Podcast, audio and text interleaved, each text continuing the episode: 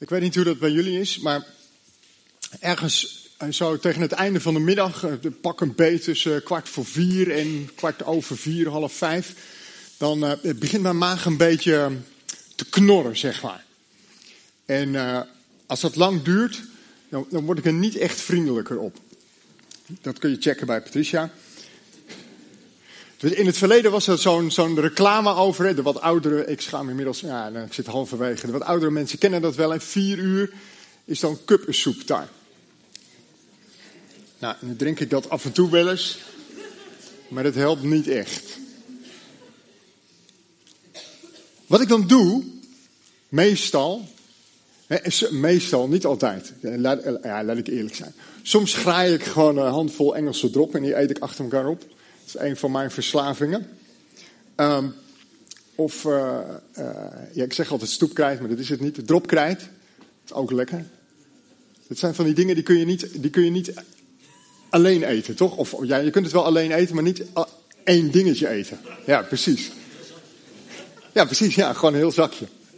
Maar goed, eh, meestal loop ik naar beneden en dan haal ik een appel haal ik een appel uit de koelkast en uh, nou, die schil ik netjes en die eet ik op. En zo ook uh, een week of anderhalve week geleden was dat zo'n moment. En uh, Jonathan die zat in de kamer en die hoorde mij bezig en zegt, ah, mag ik ook een stukje, mag ik ook een stukje? En normaal gesproken ben ik best wel lief en aardig en nu dacht ik, ja, zoek het uit. Je bent zo'n zo allesverslindende puber in huis. Dit is mijn appel. Weet je, die is voor mij. Dus ik schilder gewoon netjes door en ik at gewoon de hele appel op. Maar hij bleef zeuren. Ah, ik zeg, ja, is op. Ah, pak dan een andere uit de koelkast. nou, prima. Weet je wel, dat is goed. Dit wil ik ook voor je doen. Ja, en zoek dan zo'n hele mooie uit. Zo'n mooie rode. Ik zeg, ah, prima. Dus ik naar de koelkast en ik zoek een mooie rode, echt een grote, mooie rode appel uit. En die gooi ik zo naar hem toe. Hij vangt hem en ik ga terug naar boven naar mijn werkkamer om verder te gaan met werken. En ik was nog niet eens boven aan de trap of ik hoorde echt een lawaai en. Deze is vies! Ja, hij was echt mooi rood van buiten. Hij zag er prachtig uit. Aan de buitenkant zou je denken, daar is niks mis mee. Goed. We gaan lezen. Jullie snappen zo meteen hoe, hoe het bij elkaar komt. Tenminste, dat hoop ik. We lezen uit Lucas hoofdstuk 11. Jullie kunnen meelezen. Yes. Lucas hoofdstuk 11, de versen 37 tot 45 en dan nog een paar versen aan het einde van het hoofdstuk. En we, we zijn onderweg naar Pasen. We denken na over de maaltijden in het evangelie van Lucas. En Jezus die schuift steeds weer bij andere mensen aan tafel. En elke keer aan tafel gebeurt er iets. En zo ook deze maaltijd. Lucas 11 vanaf vers 37. Toen hij, dat is Jezus, toen hij uitgesproken was, nodigde een fariseer hem uit voor de maaltijd. Eenmaal binnen ging hij meteen aanliggen. Toen de fariseeër dat zag, verwonderde hij zich erover dat hij zich niet eerst gewassen had voor de maaltijd. Maar de Heer zei tegen hem, ach, jullie fariseeën, de buitenkant van de beker en de schotel reinigen jullie. Maar jullie eigen binnenkant is vol roofzucht en slechtheid. Dwazen, heeft hij die de buitenkant gemaakt heeft, niet ook de binnenkant gemaakt? Geef liever de inhoud van de beker en de schotel als gift aan de armen dan is niets meer onrein voor jullie. Maar wee jullie fariseeën, want jullie geven tienden van de munt, wijnruit en andere kruiden, maar gaan voorbij aan de gerechtigheid en liefde tot God. Je zou het een moeten doen zonder het andere te laten. Wee jullie fariseeën, want jullie zitten graag op een ereplaats in de synagoge en willen eerbiedig begroet worden op het marktplein. Wee jullie, want jullie zijn als ongemarkeerde graven waar de mensen overheen lopen zonder het te weten. Daarop zijn wetgeleerden tegen hem, meester, door die dingen te zeggen, beledigt u ook ons. Dan sla ik een gedeelte over en dan lees ik de laatste twee versen van dit hoofdstuk. Toen hij het huis, toen Jezus het huis verliet, waren de schriftgeleerden en de fariseeën uitzinnig van woede. Ze begonnen hem over van alles uit te vragen in een slinkse poging om hem te betrappen op een ongeoorloofde uitspraak.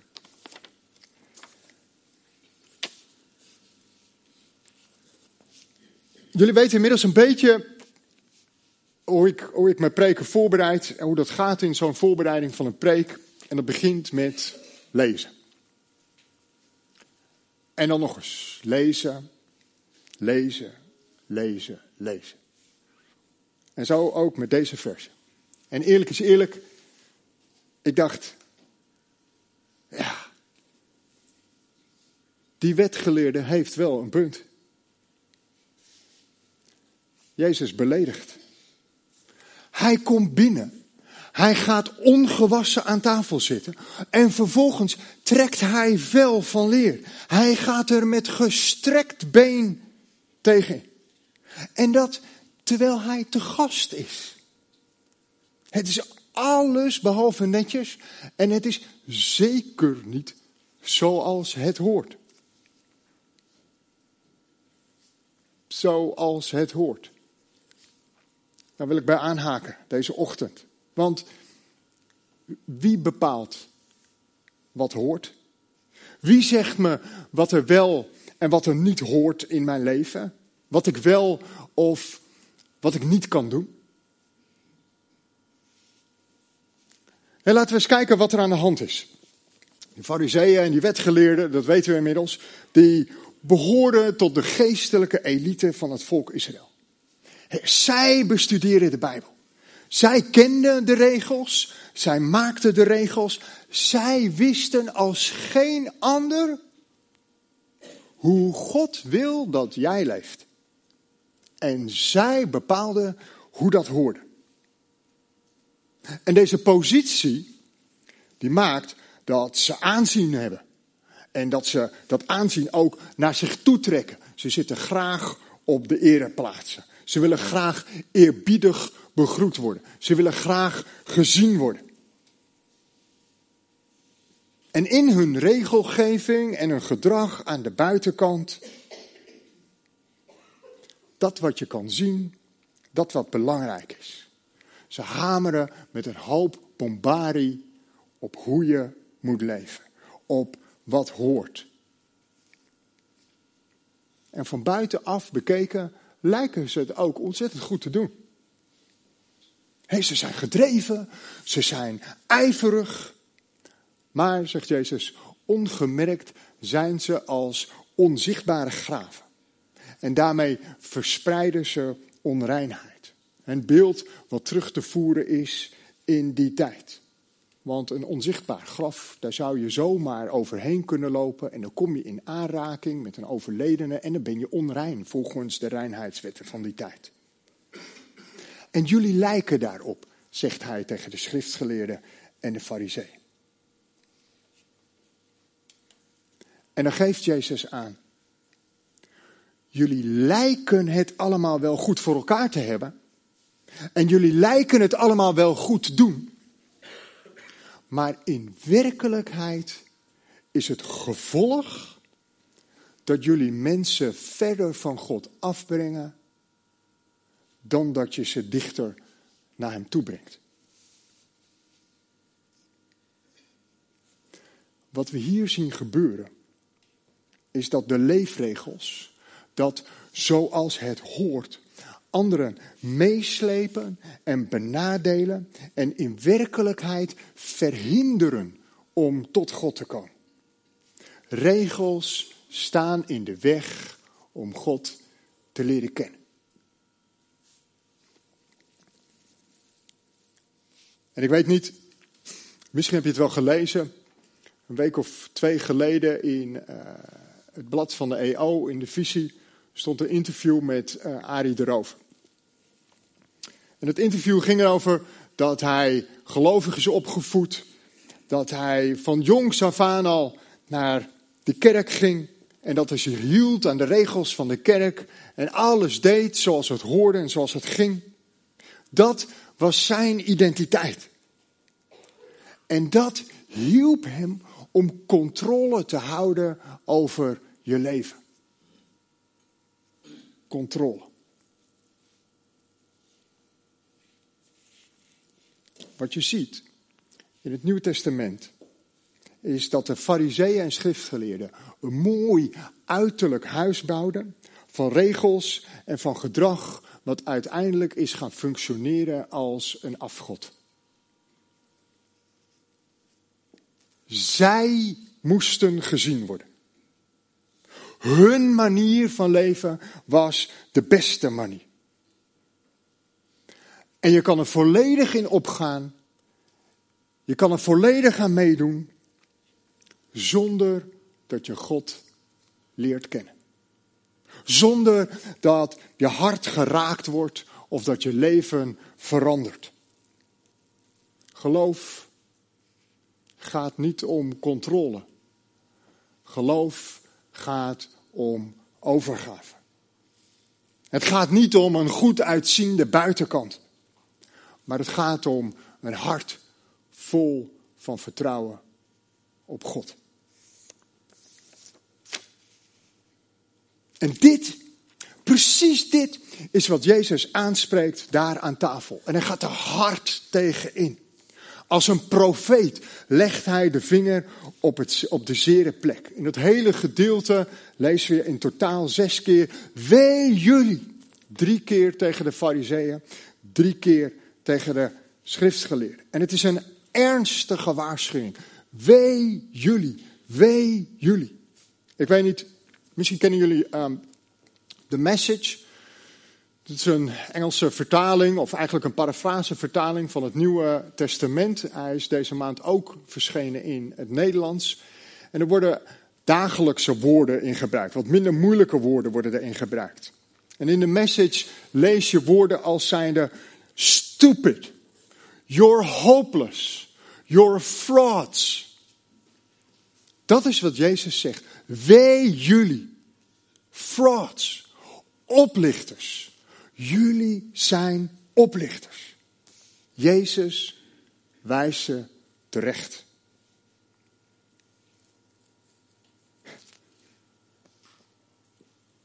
Is dat nooit leuk. als je terecht gewezen wordt. En ja, het kan ook heel goed als een belediging overkomen. Afhankelijk van wie het zegt en hoe het gezegd wordt en wat de bedoeling is die daarachter ligt. Ik denk dat we allemaal wel de voorbeelden kennen van iemand die je terecht wijst omdat het niet gaat hoe hij of zij wil. Of omdat iets hun eigen positie ondermijnt. Of gewoonweg jou terechtwijzen om je onderuit te halen en om je moedwillig pijn te doen als een soort van olifant die door de porseleinkast heen dendert. Proberen om ten koste van iemand anders je eigen positie veilig te stellen. dat is zoals het hier aan tafel wordt opgevat door de fariseeën en door de wetgeleerden. U beledigt ons. Jezus raakt ze in het hart van hun positie. Weet je, ik denk niet dat Jezus het doet om ze te beledigen of om ze onderuit te halen. Om ze als een mens te schofferen. Ik denk ook niet dat Jezus het doet om zijn eigen positie te versterken. Hij heeft dat helemaal niet nodig. Maar wat we hier zien is een andere kant van Jezus. Een Jezus die stevig uithaalt. Een Jezus die de vinger op de zere plek legt. Jezus als profeet. En het doel van een profeet is altijd om mensen weer bij God te brengen. Niet alleen om verkeerd gedrag of verkeerde keuzes aan te spreken. Nee, maar om vooral om, om de wortel aan te pakken. Om de oorzaak die daaronder ligt. En om mensen op te roepen om zich te bekeren van die oorzaak, zodat er weer ruimte komt voor God. De kern die Jezus hier aanraakt is hypocrisie. Ja, en ik was deze week aan het lezen en weer lezen en aan het voorbereiden. En ik dacht, ja, ik moest denken aan dat oude liedje. Misschien heeft iemand het al gezien. Ik heb hem vanmorgen, ik had het eerder willen doen, maar ik heb hem vanmorgen in de app gezet. Ja, er zijn, ik zie handen, er zijn mensen die hebben hem gezien. En ik ging googlen op dat liedje. Het is een liedje van Phil Collins en Genesis. Jesus, He Knows Me. Dus ik ging googlen en tot mijn grote schrik zag ik daar staan 1991. En ik dacht, oh, oh dit is gewoon echt 30 jaar geleden. Oh, ik word oud. Maar in dat liedje komt op een gegeven moment, het gaat over televisiedominees en hij neemt ze echt stevig op de korrel en terecht denk ik. Maar in dat liedje zingt hij op een gegeven moment, just do as I say, don't do as I do. Doe maar gewoon wat ik zeg, maar alsjeblieft, doe niet zoals ik doe. Weet je, luister naar mijn regels en luister hoe dat ik vind dat het hoort. Maar alsjeblieft, kijk niet naar mijn leven, want dan zie je iets anders.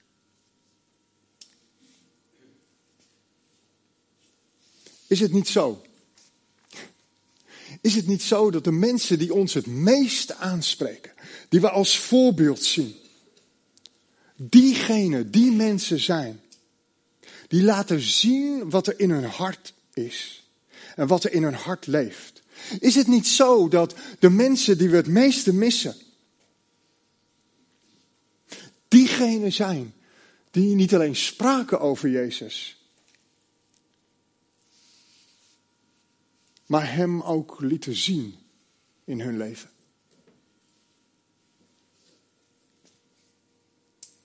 Jezus is het beeld van de levende God. Jezus liet God de Vader zien in zijn leven. En ja, dan gaat het over liefde, over genade, over bewogenheid en acceptatie en dat je welkom bent. Oh, alsjeblieft, je bent welkom bij God. Altijd en overal. En het maakt niet uit wat je hebt uitgesproken. Maar dan gaat het ook over de vinger op de zere plek leggen om aan te wijzen wat er nog beter kan in je leven. Of om aan te wijzen waar je gewoonweg rigoureus afstand van moet nemen. En dan gaat het over die dingen die een volledige overgave aan God in de weg staan. Weet je, als ik naar de koelkast loop en ik haal een appel uit de groentela, dan liggen er zat met een plekje erop. En die er niet zo mooi uitzien. soms is het bruin, soms is het al zelfs zacht en alles. En dan denk ik, ah, ik moet misschien die appel als eerste nemen. Of als het plekje te groot is, neem ik gewoon twee appels. En ik snij het plekje weg. Of ik snij eerst de appel door en ik kijk hoe ver het erin gegaan is. En dan denk ik, nou, als het te ver is, oh, dan gaat de appel naar de cavia. Zo is het ook weer. Maar als het kan, dan snij ik het plekje weg. En de rest eet ik op. En dat is gewoon echt goed te eten. Die binnenkant is prima. En dat is waar het om gaat. Mensen, ik wil afsluiten en met het volgende. Ik weet niet, eh, als er mensen zijn die. Eh, ja, ik zie dat de band al langzaam naar voren komt. ik weet niet uh, of er mensen zijn die misschien iets gevolgd hebben op, op social media. En die weten over de Ashbury Revival. Als ik dat zeg, zijn er mensen die dat gehoord hebben? Ik zie een paar, ja, ik zie al wat vingers. Ik zie kijkers, joh, ik zie mensen knikken. Fantastisch. Heel in het kort, op Ashbury University, tijdens een, een kapeluur was er een, een collega van mijn jonge gast, uh, ook, ook gelieerd aan, aan KMA Unie ABC in, in Nederland. En hij verzorgde de overdenking in het kapeluur. Zo, zo gaat dat op uh, theologische instellingen. Dat was in de tijd in, in Veenendaal en in Leuven was dat ook. dan heb je een kapeluur en je bent als studenten bij elkaar. En er zijn altijd gastsprekers en die houden dan een overdenking. En hij preekte. En eigenlijk direct na zijn preek appte die zijn vrouw, het was helemaal niks. Het ging echt helemaal niks. Het stonk, zoiets appte die. Ik ben snel thuis. Dat was 8 februari. Maar op de een of andere manier gebeurde er daarna iets. God was aanwezig in die plek. En natuurlijk, God is overal aanwezig. Maar, maar mensen ervoeren Gods aanwezigheid daar in die plek. En iemand anders kwam naar voren onvoorbereid en die pakte een gitaar en die begon te spelen. En ze gingen verder in aanbidding. En weer iemand haakte aan. En weer iemand haakte aan. En de studenten die bleven. En vandaag is het 26 februari en het gaat nog steeds door. Mensen komen er naartoe en staan in drommen, in rijen te wachten om daar iets van God mee te maken. En dan gaat het niet om grote theatrale zaken. Het gaat niet om bekende sprekers. Die zijn er niet. Er zijn geen bekende sprekers. Er staat iemand op en die geeft een woord door. En er staat iemand anders op en die speelt een lied. Maar God is daar aanwezig. En het maakt niet uit hoe je eruit ziet. Of wat mensen aan de buitenkant vinden. Of dat het gaat zoals het wel hoort of zoals het niet hoort. Nee, het gaat om het hart. En wat je ziet gebeuren daar is dat God mensen tot diep in hun hart raakt. En hoe zie je dat? Mensen vragen vergeving. Aan God. Aan elkaar. Hey, dat is misschien nog wel moeilijker. Mensen komen naar voren en ze knielen. Mensen wijden zich opnieuw toe aan God. En het gaat om de binnenkant. Er wordt niet gekeken naar de buitenkant. Maar of je hart op God is afgesteld. En ik denk, we gaan zo met elkaar dat lied zingen. Jullie staan er al helemaal klaar voor en ik blijf maar doorpraten. We gaan zo met elkaar dat lied zingen. Hou vol. Laat niet los. Maar laten we elkaar daarmee aanmoedigen. Dat we volhouden, dat we elkaar niet loslaten, dat we God niet loslaten. Maar dat we, dat we vooral volhouden om ons hart te laten zien. Om ons hart te laten zien aan elkaar en elkaar te blijven aanspreken van, hey, hoe is het? Hoe is het met jou een overgave aan God? Want weet je, niets is zo mooi en zo goed om dicht bij Jezus te zijn. En juist ook om zijn vinger op jouw zere plek te voelen. En ja, dat doet pijn. Maar, oh man, als het weg is, wat een ruimte, wat een vrijheid, wat een genezing. En dat kan alleen Jezus geven. Laten we bidden met elkaar.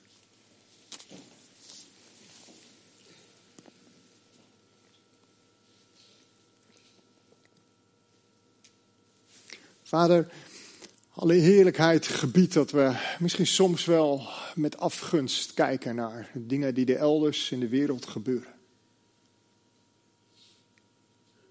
Heer, en dat we misschien zelfs wel denken, oh, kon het maar hier en dan moeten we voorbidden, we moeten dit doen en we moeten dat doen. Heer, maar ik bid u, dat als het verlangen er is en het gebed er is, kon het maar hier dan bid ik, Heer Jezus, dat u eerst uw vinger op onze zere plek legt. En laat zien wat in de weg staat. Laat zien wat we persoonlijk of als gemeente moeten beleiden.